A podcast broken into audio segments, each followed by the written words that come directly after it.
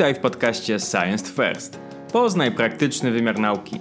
Jest to comiesięczny cykl spotkań popularno-naukowych organizowanych przez Instytut Psychologii Uniwersytetu Jagiellońskiego i Stowarzyszenie All Inujot. Na czas kwarantanny społecznej przenosimy się do sieci.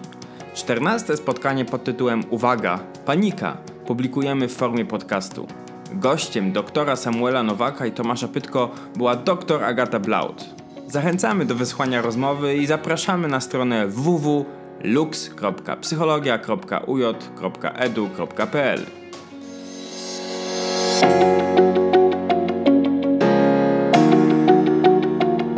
Dzisiaj naszym gościem jest dr Agata Blaut, y, która jest adiunktem w Zakładzie Psychologii Klinicznej Instytutu Psychologii Uniwersytetu Jagiellońskiego. Zajmuje się poznawczymi aspektami zaburzeń lękowych i depresji. Jej badania dotyczą mechanizmów tendencyjnego funkcjonowania procesów pamięci uwagi. Dzień dobry Pani doktor. Dzień dobry, witam. E, dzisiaj będziemy rozmawiać o zaburzeniach lękowych. To może najpierw takie ogólne pytanie, czym są zaburzenia lękowe i jak je diagnozujemy? Czym różnią się po prostu od jakiegoś zwyczajnego pogorszenia nastroju i niepewno, niepewności, z którą pewnie zmagamy się e, wszyscy raz za czas, e, a kiedy mówimy o rzeczywiście o zaburzeniach? Mhm. E, no, ta granica między zaburzeniami a normalnym lękiem jest czasami nie tak do końca łatwo uchwytna. No, na pewno jak mówimy o zaburzeniach lękowych, to mówimy o takim e, nadmiernym strachu i lęku, tak? I różnych też zachowaniach z nimi związanymi, bo to nie tylko chodzi o emocje, ale też to, co emocje, do czego nas, tak powiem, skłaniają, do jakich typów zachowań. A te, również te zachowania są bardzo kłopotliwe. No, przykładem takich zachowań może być na przykład nadmierne unikanie. Osoby, e, które cierpią na zaburzenia lękowe, no, nie dość, że odczuwają bardzo intensywne emocje, to pod ich wpływem pewnych rzeczy nie robią, a inne robią i to często właśnie e, jest czynnikiem takim podtrzymującym cały problem. No, tych zaburzeń lękowych jest kilka, ale ich właśnie wspólną cechą oprócz tego nadmiernego strachu i lęku, e, jest to, że on jest e, uporczywy i przewlekły. Ma tylko jakiś ma oczywiście związek z tym, co dzieje się naokoło, ale nie, nie jest on taki bezpośredni koniecznie. Na przykład teraz wszyscy my, tak, wszyscy ludzie ogólnie pewnie czujemy znacznie więcej lęku i strachu niż zwykle, e, znacznie więcej się martwiamy i to jest jak gdyby normalne, bo wszyscy znaleźliśmy się w tak trudnej sytuacji. W przypadku zaburzeń lękowych ten związek z tym, co się dzieje rzeczywiście, a tym e, poziomem lęku i strachu jest taki mniej oczywisty i jasny. No i też trzeba powiedzieć, że w tych zaburzeniach też ten lęk jest taki nieproporcjonalny do zagrożenia. To oczywiście jest też trudno często oszacować, co to znaczy. No jakie są takie podstawowe zaburzenia lękowe, jakie możemy diagnozować w psychologii? Aha, okej. Okay. Jest ich kilka. One wszystkie mają te wspólne cechy, o których przed chwilą mówiłam, czyli to, że lęk jest uporczywy, przewlekły, nadmierny, jest go dużo, ale one troszeczkę e, inaczej się przejawiają i też one są związane z innymi na przykład z innymi obiektami. I takie podstawowe zaburzenia lękowe to są na przykład fobie proste, też swoiste. E, I to jest chyba najprostsze z tych wszystkich zaburzeń lękowych. To jest zaburzenie, w którym e, ludzie boją się konkretnych sytuacji, obiektów. No, przykładem takim standardowym jest na przykład osoba, która bardzo boi się pająków i unika ich za wszelką cenę. Kolejnym zaburzeniem lękowym są na przykład zaburzenia mm, E, lęku społecznego, czy też dawno e, poprzednio nazywane fobią społeczną. I to jest taki rodzaj zaburzenia lękowego, w którym i większość obaw osoby jest, że tak powiem, e, skupiona wokół innych ludzi. To znaczy, to jak oni odbierają, oceniają. Tutaj największym takim strachem jest to, że oni mogą, że inni ludzie mogą nas ocenić źle, możemy się skompromitować na przykład w sytuacji społecznej i to jest jak gdyby takim największym źródłem lęku i przerażenia przerażenia tych osób. Co jeszcze? Mamy panikę, tak, która jest ważnym tematem naszej też ważnej rozmowy. Pewnie będziemy o niej też troszkę, troszkę jeszcze więcej mówić. No i jeszcze na przykład bardzo ważne zaburzenie lękowe, które nazywamy mm, zespołem lęku ugonionego i to jest takie zaburzenie, w którym, które jest najmniej jak gdyby specyficzne, ale charakteryzuje się głównie tym takim ciągłym, nadmiernym zamartwianiem się. Cóż, jeszcze można wymienić separacyjne zaburzenie lękowe, czyli takie związane z lękiem przed oddzieleniem się od jakiejś ważnej, e, ważnej osoby, agorafobię. To ja zapytam o te lęki o charakterze społecznym i o ich mhm. przyczynę, no bo psychologia wie, domyślam się, jak sobie z nimi radzić, e, jest w stanie też u, udzielić fachowej porady i pomocy. Ale chciałbym zapytać o źródło tych lęków. Czy możemy wskazać na jakieś konkretne, konkretne przyczyny? Przyczyny lęków społecznych. Trudny temat. Na pewno nie, e, to jest tak, w przypadku większości zaburzeń e, mamy kilka teorii, tak? kilka sposobów, e, często dosyć sprzecznych, sposobów wyjaśnienia etiologii zaburzenia. I tak jest w przypadku lęku społecznego. Tutaj Podobnie jak w innych zaburzeniach, mówimy o pewnej podatności, takiej związanej z temperamentem, e, z podatnością genetyczną. No i e, ta, to się dzieje wtedy, kiedy ta podatność, czyli osoba, która jest szczególnie wrażliwa i łatwiej na przykład uczy się, e, uczy się, że pewne sytuacje są niebezpieczne, na przykład trafia na jakąś szczególnie przykrą, traumatyczną sytuację związaną na przykład z, nie wiem, epizod bycia ośmieszonym przez innych ludzi. To jest coś, co może być początkiem, początkiem lęku społecznego, szczególnie jeśli, e, jeśli ta osoba będzie miała trudność e, z poradzeniem sobie z tą sytuacją, będzie o niej intensywnie myślała, będzie ją błędnie interpretowała i takie jak gdyby sytuacje mogą być zaczątkiem rozwijającej się fobii społecznej. Też unikanie tutaj e, kontaktu z innymi ludźmi ma, ma kluczowe znaczenie dla rozwoju fobii społecznej. Czyli możemy powiedzieć, że czasem mm, sami w sobie budzimy e, późniejsze takie fobie na przykład społeczne, że one wynikają z jakiejś naszej nadinterpretacji albo nieradzenia sobie z, z pewną sytuacją?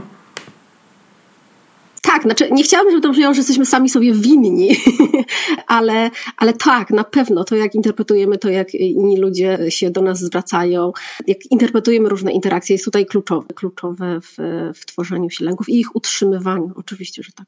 Mhm.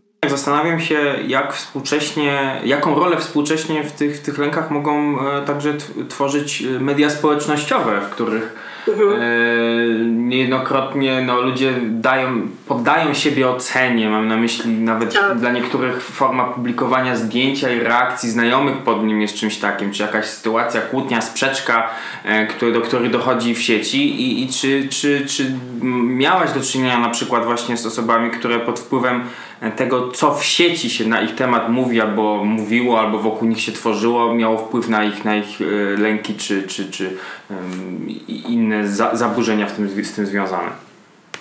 E, no, to jak najbardziej może tego, tego, e, tego typu lęki wzmacniać. Tutaj, dla osoby z lękiem społecznym, czy, ono, e, czy on jest tak już nasilony, że przybiera, że, że spełnia kryteria zaburzenia, bądź też nie, bardzo ważne jest, co inni ludzie sobie o nas pomyślą. To jest jedna jak gdyby z podstawowych potrzeb, żeby być dobrze ocenianym przez innych i też największy lęk co będzie, jeśli inni ludzie mnie odrzucą, tak? To, yy, I ludzie są w stanie zrobić bardzo wiele właśnie, ponieważ ich hierarchii wartości yy, ta potrzeba jest bardzo, bardzo, bardzo wysoka. I ona sprzyja, sprzyja, że tak powiem, tego typu lękom, no bo yy, no, z tym wiąże się, się duże niebezpieczeństwo, tak? No, yy, yy, że, że ta zagrożenie, że zostaniemy, nie wiem, może nie publicznie zlinczowani, tak, ale nieodpowiednio dobrze e, ocenieni, e, no, no jest spore. I e, jeśli to jest jak gdyby główny, główny nasz, nasz motywator naszego działania i główna też nasza obawa, no to, no to, to może być początkiem duż, dużego problemu. Mhm. Ja bym ten wątek chciał pociągnąć, bo jakby problem widziałbym nie tylko w mediach społecznościowych, ale całym nowoczesnym kapitalizmie opartym o usługi, które polegają na ocenianiu. Jedziemy Uberem, mhm. oceniamy, zamawiamy jedzenie, tak. oceniamy, e, kupujemy coś online, oceniamy i jesteśmy nieustannie podle, podlegamy ocenie, której jakby same reguły nie są jakąkolwiek społeczną kontrolą. I czy tutaj e, widzi Pani e, jakieś zagrożenie, czy może jak zwykle przesadzam swoim sceptycznym spojrzeniu. Nie, no na, na pewno. To, to wzmacnia jak najbardziej te lęki. Ono powoduje, że, że w ogóle taka myśl, jak inni nas oceniają, jest dużo bardziej dostępna dla nas, ponieważ ona staje się, że tak powiem, e, istotna. To zależy, czy nasze usługi, nie wiem, jak jeździmy Uberem, zostaną polecone innym. Od tego zależy dużo więcej niż, niż powinno zależeć. O, może tak. Dobrze, to ja może przejdźmy do tej obecnej sytuacji, e, kiedy z jednej strony e, mamy olbrzymie poczucie niepewności związane z tym, jak będziemy funkcjonować w dłuższej perspektywie, zarówno na takim ogólnym poziomie jako społeczeństwo, jako państwo, z drugiej strony pojawia się całe mnóstwo lęków związanych e, z sytuacją zawodową, rodzinną, sytuacją związaną z własnym mhm. zdrowiem. E, jak w takiej sytuacji e, radzą sobie osoby, które już zmagają się rozmaitymi zaburzeniami lękowymi? Zaraz do tego dojdzie. Znaczy, chciałam podkreślić, że, że, że Pewnie jest to taki czas, w którym każdy z nas odczuwa e, więcej lęku niż zwykle. I tak jak, jak powiedziałeś, te lęki, one też są różnej natury. To nie jest tylko lęk dotyczący, nie wiem, zarażenia się na, naszego czy naszych bliskich, ale, ale czujemy, że, że, e, że świat, który, w którym żyliśmy w znacznym stopniu się, e, się zmienia. Mm, więc, więc ten wzrost poziomu lęku czy strachu i zamartwiania się, tak, jest, jest pewnie u wszystkich obecny. Ja myślę, że to nie jest tak koniecznie, że osoby z zaburzeniami lękowymi są osobami, które sobie e, radzą gorzej z tego typu zagrożeniem niż inne osoby. Wcale tak być nie musi. E, znaczy, nie mamy jeszcze wyników badań. Mnóstwo badań, jak wiecie, jest teraz prowadzonych o tym, jak sobie ludzie radzą e, z, z tą naszą pandemią i z izolacją społeczną, jak też radzą sobie osoby lękowe. Na razie możemy na podstawie jakichś takich anegdotycznych przykładów, czy osób, których znamy, bądź um, które są leczone. Znaczy, to nie są, to nie są po prostu dane z, z badań, które są, zostały opublikowane, ale wydaje mi się, że to też zależy od, od tego, o jakim zaburzeniu lękowym mówimy, bo są zaburzenia lękowe, w których sytuacja, w której teraz jesteśmy, czyli na przykład sytuacja izolacji społecznej wcale nie musi być tak niekomfortowa jak dla innych osób. No, przykład, nie wiem, osoby, która ma agorafobię, albo osoby, która ma fobię społeczną, która na co dzień naprawdę cierpi, e, zmagając się z takimi rzeczami jak, e, nie wiem, przebywanie z innymi ludźmi, chodzenie do pracy, czy na studia, e, na zajęcia, która ponosi bardzo duże koszty, takie emocjonalne, i jej każdy dzień związany jest po prostu z walką. Często wiele tych stresorów teraz odpada, tak? Więc dla części osób, przynajmniej ten początkowy stan izolacji wcale nie musi być taki zły. Część osób, które mają zaburzenia lękowe. Oczywiście, jak ta izolacja się przedłuża, to wiadomo, dla nikogo z nas to dobre nie jest. Tym bardziej, że to może utrzymywać takie skłonności do unikania innych ludzi. A to jest coś, e, co, co jest e, bardzo trudne. A co z zaburzeniami o charakterze depresyjnym? E, czy ta obecna sytuacja może jeszcze jakoś je wzmocnić? I ta niepewność, która jest związana właśnie z, z naszą sytuacją, z rynkiem pracy, sytuacją e. naszych bliskich.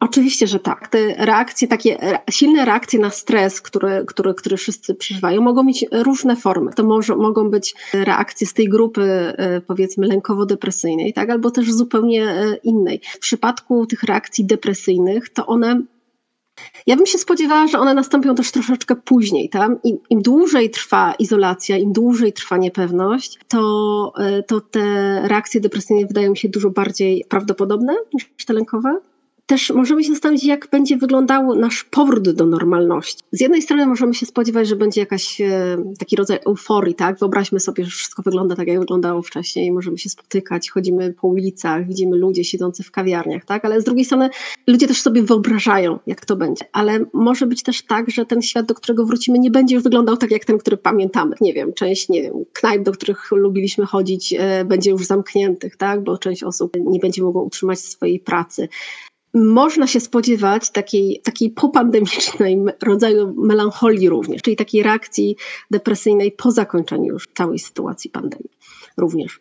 To chciałem się zastanowić już nad tym, jak możemy w przyszłości sobie z tym radzić, z tą sytuacją, jak ogólnie radzić sobie y, z obserwowanymi różnymi lękami u bliskich, czy, czy ogólnie w społeczeństwie, bo Wobec tego jest, y, wobec takich zaburzeń mamy sporo stereotypów, sporo błędnych reakcji przede wszystkim, łatwych uogólnień e, i zastanawiam się, jakie są takie najgorsze reakcje i jak y, reagować pozytywnie, ze, ze zrozumieniem na, na takie zaburzenia, jak móc nieść pomoc, na przykład kiedy ktoś dostaje ataku paniki, jeżeli można coś takim powiedzieć, w miejscu publicznym, mhm. nie radzi sobie z tym. Czyli jak sobie radzić z takim e, nagłym, no bo czym jest panika? Panika jest takim gwałtownym, nagłą reakcją strachu, bardzo intensywnym, który się pojawia w ciągu kilku minut, ale też nie trwa bardzo długo. Każda panika mniej więcej trwa 20-30 minut, e, nie dłużej. Wiadomo, że w przypadku paniki mamy do czynienia z takim bardzo silnym komponentem fizjologicznym, tak? Drżenie,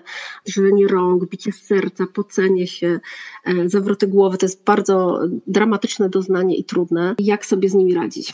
Znaczy, to Pytanie jest, jak często tego typu ataki paniki e, dana osoba, e, że tak powiem, doznaje? Bo to jest tak, że ataki paniki mogą przytrafić się każdemu od czasu do czasu. One wcale nie muszą być w ogóle związane z zaburzeniami lękowymi, trzeba to powiedzieć. Dopiero e, takie powtarzające się częste ataki paniki, które są związane na przykład z, później z, z wielkim lękiem takim antycypacyjnym. Jeśli parażuje nas lęk przed kolejnymi atakami paniki, to to już jest wstęp do zaburzenia, zaburzenia lękowego. Ale same pojedyncze ataki paniki wcale nie muszą prowadzić e, do zaburzenia i mogą zdarzać się e, od czasu do czasu każdemu. Co można z nimi zrobić? Często taka prosta e, informacja dotycząca tego, że ten strach tak naprawdę nie jest wcale dla nas groźny, to nie jest stan zagrożenia życia, to jest po prostu tylko lęk, który ma swoją, ma swoją dynamikę, który bardzo gwałtownie rośnie, a potem opada. Więc tak naprawdę reakcja na atak paniki, który właśnie mamy, najlepsza to jest taka, w której nie próbujemy go tłumić, nie próbujemy sobie e, jakoś intensywnie próbować go zatrzymywać, bo jest to no, prawie niemożliwe w momencie, w którym go mam. Raczej taka świadomość, że to jest coś, co e, co nas właśnie dopadło, tak, ale co wkrótce minie. Pozwala nam zdystansować. Oczywiście jest to bardzo trudne w momencie, w którym mamy atak paniki, e, ale warto pamiętać, że no, po prostu wystarczy usiąść, poczekać i ten e, lęk, teraz bardzo, bardzo intensywny, on opadnie, no bo nie ma innego wyjścia. On po prostu w ciągu paru, kilku minut się samoczynnie po prostu wygasi, bez względu na to, czy coś z nim zrobimy, czy nie. To, to, to, I to jest pewien rodzaj pocieszenia dla osób, które mają atak paniki. I że to nie jest stan zagrożenia życia, bo sam atak paniki nie jest niebezpieczny, tak, jest niesamowicie nieprzyjemny nieprzyjemny, e, jest trudny, e, łączy się z wielkim dyskomfortem, e, z myślami o śmierci, o tym, że nagle coś strasznego nam się dzieje. Ale to jest taki, można o tym powiedzieć, jako takim fałszywym alarmie, tak? który po prostu, jakimś błędzie systemu, który, który po prostu należy przeczekać i no i tyle. A co zrobić z tym niepokojącym uczuciem niepewności, które cały czas nam towarzyszy i nie zapowiada się na to, aby szybko minęło? Aha, czyli mówisz o tej sytuacji, w której ktoś y, ma kilka ataków paniki, a później pojawia się taki w tle lęk, czy nie będę miał kolejnego ataku paniki na przykład, tak? W takiej sytuacji? O tym zarówno na takim indywidualnym poziomie, ale też na takim ogólniejszym, kiedy jesteśmy w sytuacji społecznej kwarantanny Aha. i globalnej okay. pandemii która nie skończy się prędko i to mówią okay. wszyscy naukowcy, naukowczynie, która prawdopodobnie zapowiada kolejne pandemie, bo tak. to, to, też się wiąże z globalizacją i zmianą klimatu.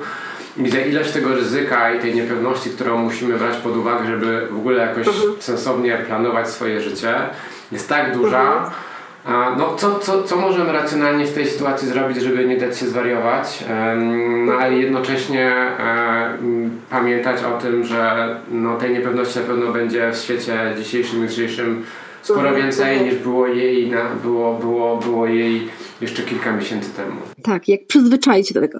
To twoje pytanie dotyczy takiej ciekawej, bardzo zmiennej psychologicznej, która często właśnie jest jednym z czynników podtrzymywania niektórych zaburzeń lękowych, a mianowicie mówię o tolerancji niepewności. Osoby lękowe często to są te osoby, na przykład te osoby, które cierpią na zespół lęku ogólnionego, czy które często się zamartwiają.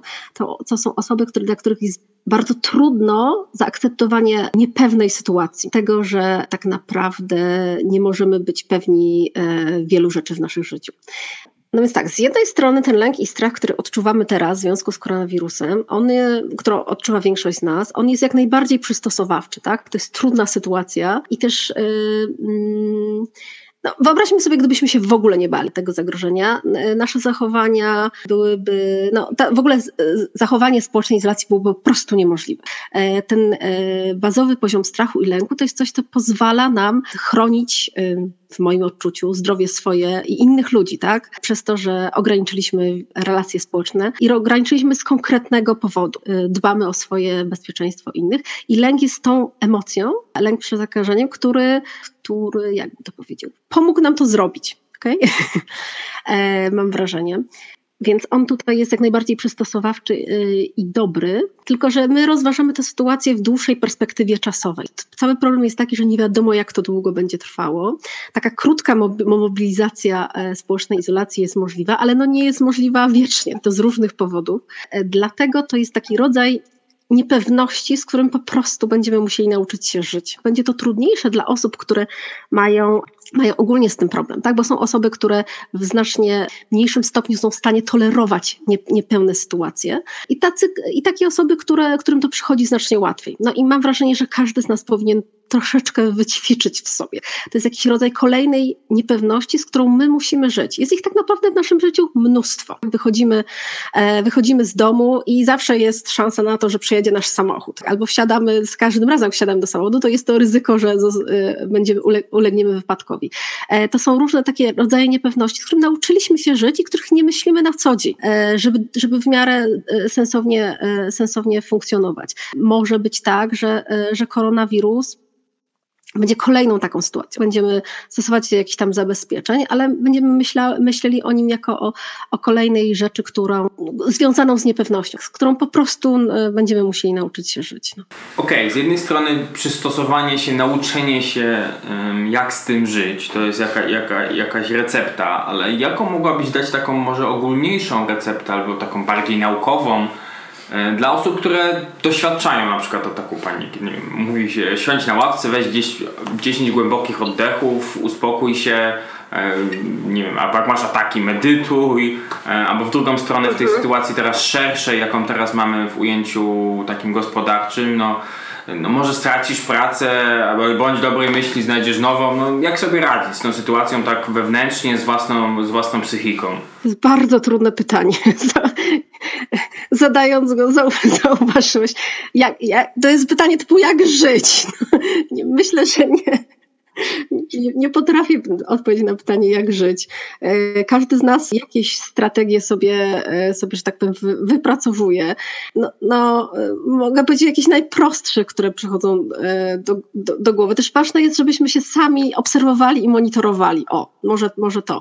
Żebyśmy spróbowali zwrócić uwagę, co na nas dobrze wpływa, co nie. Czy na przykład, nie wiem, przeszukiwanie internetu w poszukiwaniu informacji dotyczących koronawirusa. To jest coś, co powoduje, że czujemy się potem lepiej czy gorzej, tak? Czy dzwonienie do znajomych, których dawno nie słyszeliśmy, robienie różne, czy pomaganie innym osobom, to jest coś, co, co powoduje, że ten lęk opada, czy nie. Warto jest też zwrócić uwagę, co, co, co, e, co, co, co dla nas, bo nie ma jednej recepty dla wszystkich, po prostu ona nie istnieje, jesteśmy różni i, i mamy swoje wypracowane różne sposoby radzenia sobie. Wiadomo, bardzo ogólne, ogólne pytanie, więc e, i ogólna dosta, odpowiedź. Dostałem cios, ale e, taka może bardziej sytuacja, kiedy doświadczamy po raz pierwszy takiego ataku paniki, który nie wiem, też przeszkadza nam w oddychaniu, jesteśmy w przestrzeni publicznej. Tak. W jaki, jaki sposób się wtedy zachować, nie znając na, na tyle jeszcze swojego organizmu w takiej sytuacji? Znaczy, tak, e, no, jak się przeżywamy to po raz pierwszy, no to na pewno jesteśmy strasznie zaskoczeni. Nikt nie spodziewa się pierwszego ataku paniki, e, bo nie wie, czym on jest, więc, e, więc trudno jest dawać rady dotyczące pierwszego ataku paniki. Tym bardziej, że w takiej sytuacji ludzie często no, interpretują to, co się się z nimi dzieje, no jako bezpośrednie zagrożenie życia.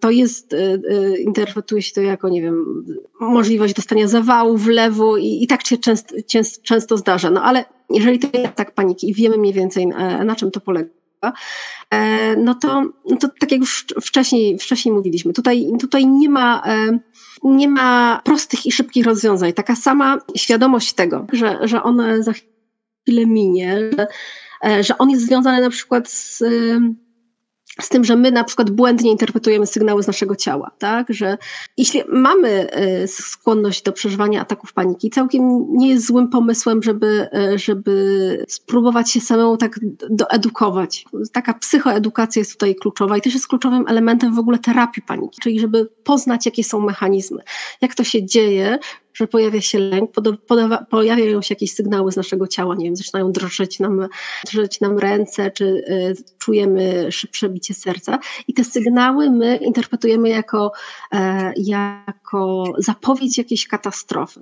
E, dobrze jest wiedzieć, jeśli mamy tendencję do, do takiego nadmiernego, do błędnego interpretowania tego, co dzieje się z naszym ciałem, bo to jest jakby początek takiej spirali paniki. E, zwracamy uwagę nadmierną na, na, e, uwagę na to, co się dzieje z naszym ciałem, e, wyłapujemy te sygnały, a następnie je interpretujemy jak coś zagrażającego, co powoduje z kolei, że ten lęk się wzmacnia. I wzmacniają się też fizjologicznie logiczne wylęk. I możemy wpaść y, w takim właśnie, w taką właśnie błędne koło paniki, jak to jest określane. Więc sama nawet świadomość tego mechanizmu może być uspokajająca, tak? Dla kogoś, kto, kto mierzy się z, takim, e, z takimi przykrymi doświadczeniami i w ogóle nie wie, co się z nim dzieje. Dla niego to jest zapowiedź jakiejś katastrofy. Ktoś pytał o indywidualne sposoby radzenia sobie ze stresem, a ja zapytam, czy istnieją jakieś sposoby instytucjonalnego radzenia sobie ze stresem? Czy jesteśmy w stanie nauczyć nowoczesne instytucje, środowisko pracy, e, szkoły, mm, wprowadzić, zaprojektować pewne mechanizmy, które pozwolą sobie z tym stresem i tą niepewnością radzić i jakoś ten, tym, mm, tę panikę rozładowywać. Czy to w ogóle jest możliwe? Mhm. Bardzo ciekawe pytanie, ale też trudne. Wydaje mi się, że tutaj uspokajające mogą być mm, tworzenie różnych procedur, e, takich e, jasnych procedur e, postępowania. No, no, które, e, które z jednej strony mogą być, no takie jak ten, nie wiem, noszenie masek w sytuacjach, w których kontaktujemy się blisko z innymi ludźmi, tak? To są procedury, które pozwalają nam rodzić, radzić sobie z jednej strony z, z możliwością zarażenia, ale też z lękiem. E, jeśli wiemy, co możemy zrobić, tak? Jeśli wiemy, że, że, te, e, że te zachowania mogą chronić nas i innych ludzi, tak? No to to jest taka, przez, mam wrażenie, że może być. No oczywiście zależy, jak się to zrobi, tak? Tutaj od tego od tego bardzo zależy, ale to może być taka struktura, która pozwala e, ludziom po prostu czuć się bezpiecznie w tej sytuacji. Jeśli oczywiście jest akceptowana przez wszystkich, jeżeli e, ludzie rozumieją, dlaczego mają to robić, po co to mają robić, jeśli to e, zrobione sensownie i jest akceptowane i służy rzeczywiście ochronie zdrowia. I też mam wrażenie, że nie może ograniczyć poziom lęku i tej niepewności. Będziecie mieli co badać po powrocie do pracy, do laboratoriów Naingardena. Tak, no e, też chyba nie czekamy nawet do powrotu do pracy, bo mnóstwo projektów badawczych jest w instytucie, bo to jest, to jest też e, bardzo ciekawy dla nas czas, tak, żeby poznać, jak ludzie sobie radzą e, i od czego zależy, tak, to czy radzą sobie lepiej, czy gorzej, tak, czy, czy tutaj na przykład kwestia osobowości ma znaczenie. To może być no, mnóstwo mamy ciekawych pytań, na które spróbujemy odpowiedzieć sobie w badaniach, które są cały czas prowadzone w Instytucie. I przez badaczy na całym świecie. Na zakończenie chciałbym spytać o to, czy w jakiś sposób ta, ten lęk i ta niepewność, e, której mm, jest, jest coraz więcej i z którą musimy nauczyć się jakoś funkcjonować, mm, czy to uczucie można w jakiś sposób przekuć na motywator do tego, żeby jednak e, E, coś wokół zmienić na takim systemowym poziomie. To znaczy, czy to jakieś dążenie do tego, aby ustabilizować tę sytuację, e, o to, żeby sobie wyobrazić trochę spokojniejszy, mm, lepszy świat, czy, ten, czy ta niepewność, czy da się to jakieś takie pozytywne, motywujące uczucie przekuć, czy, to, czy jest to w ogóle możliwe? Ja mam, na, ja mam e, e, nadzieję, że tak, ale e, a gdybyś ty miał odpowiedzieć na to pytanie, to jest bardzo dobre pytanie, ale mam wrażenie, że masz jakieś swoje przemyślenia na ten temat. Czy zawsze wydawało mi się, że e, likwidacja no. niepewności albo jej mocne ograniczenie mm, i lęków, które ona produkuje, daje, daje dużą motywację do, do zmiany, ale mówimy na takim mhm. poziomie systemowym. No, wydaje mi się, że mhm. indywidualna zmiana to zawsze jest, jest w dużym, dużym stopniu pozorna.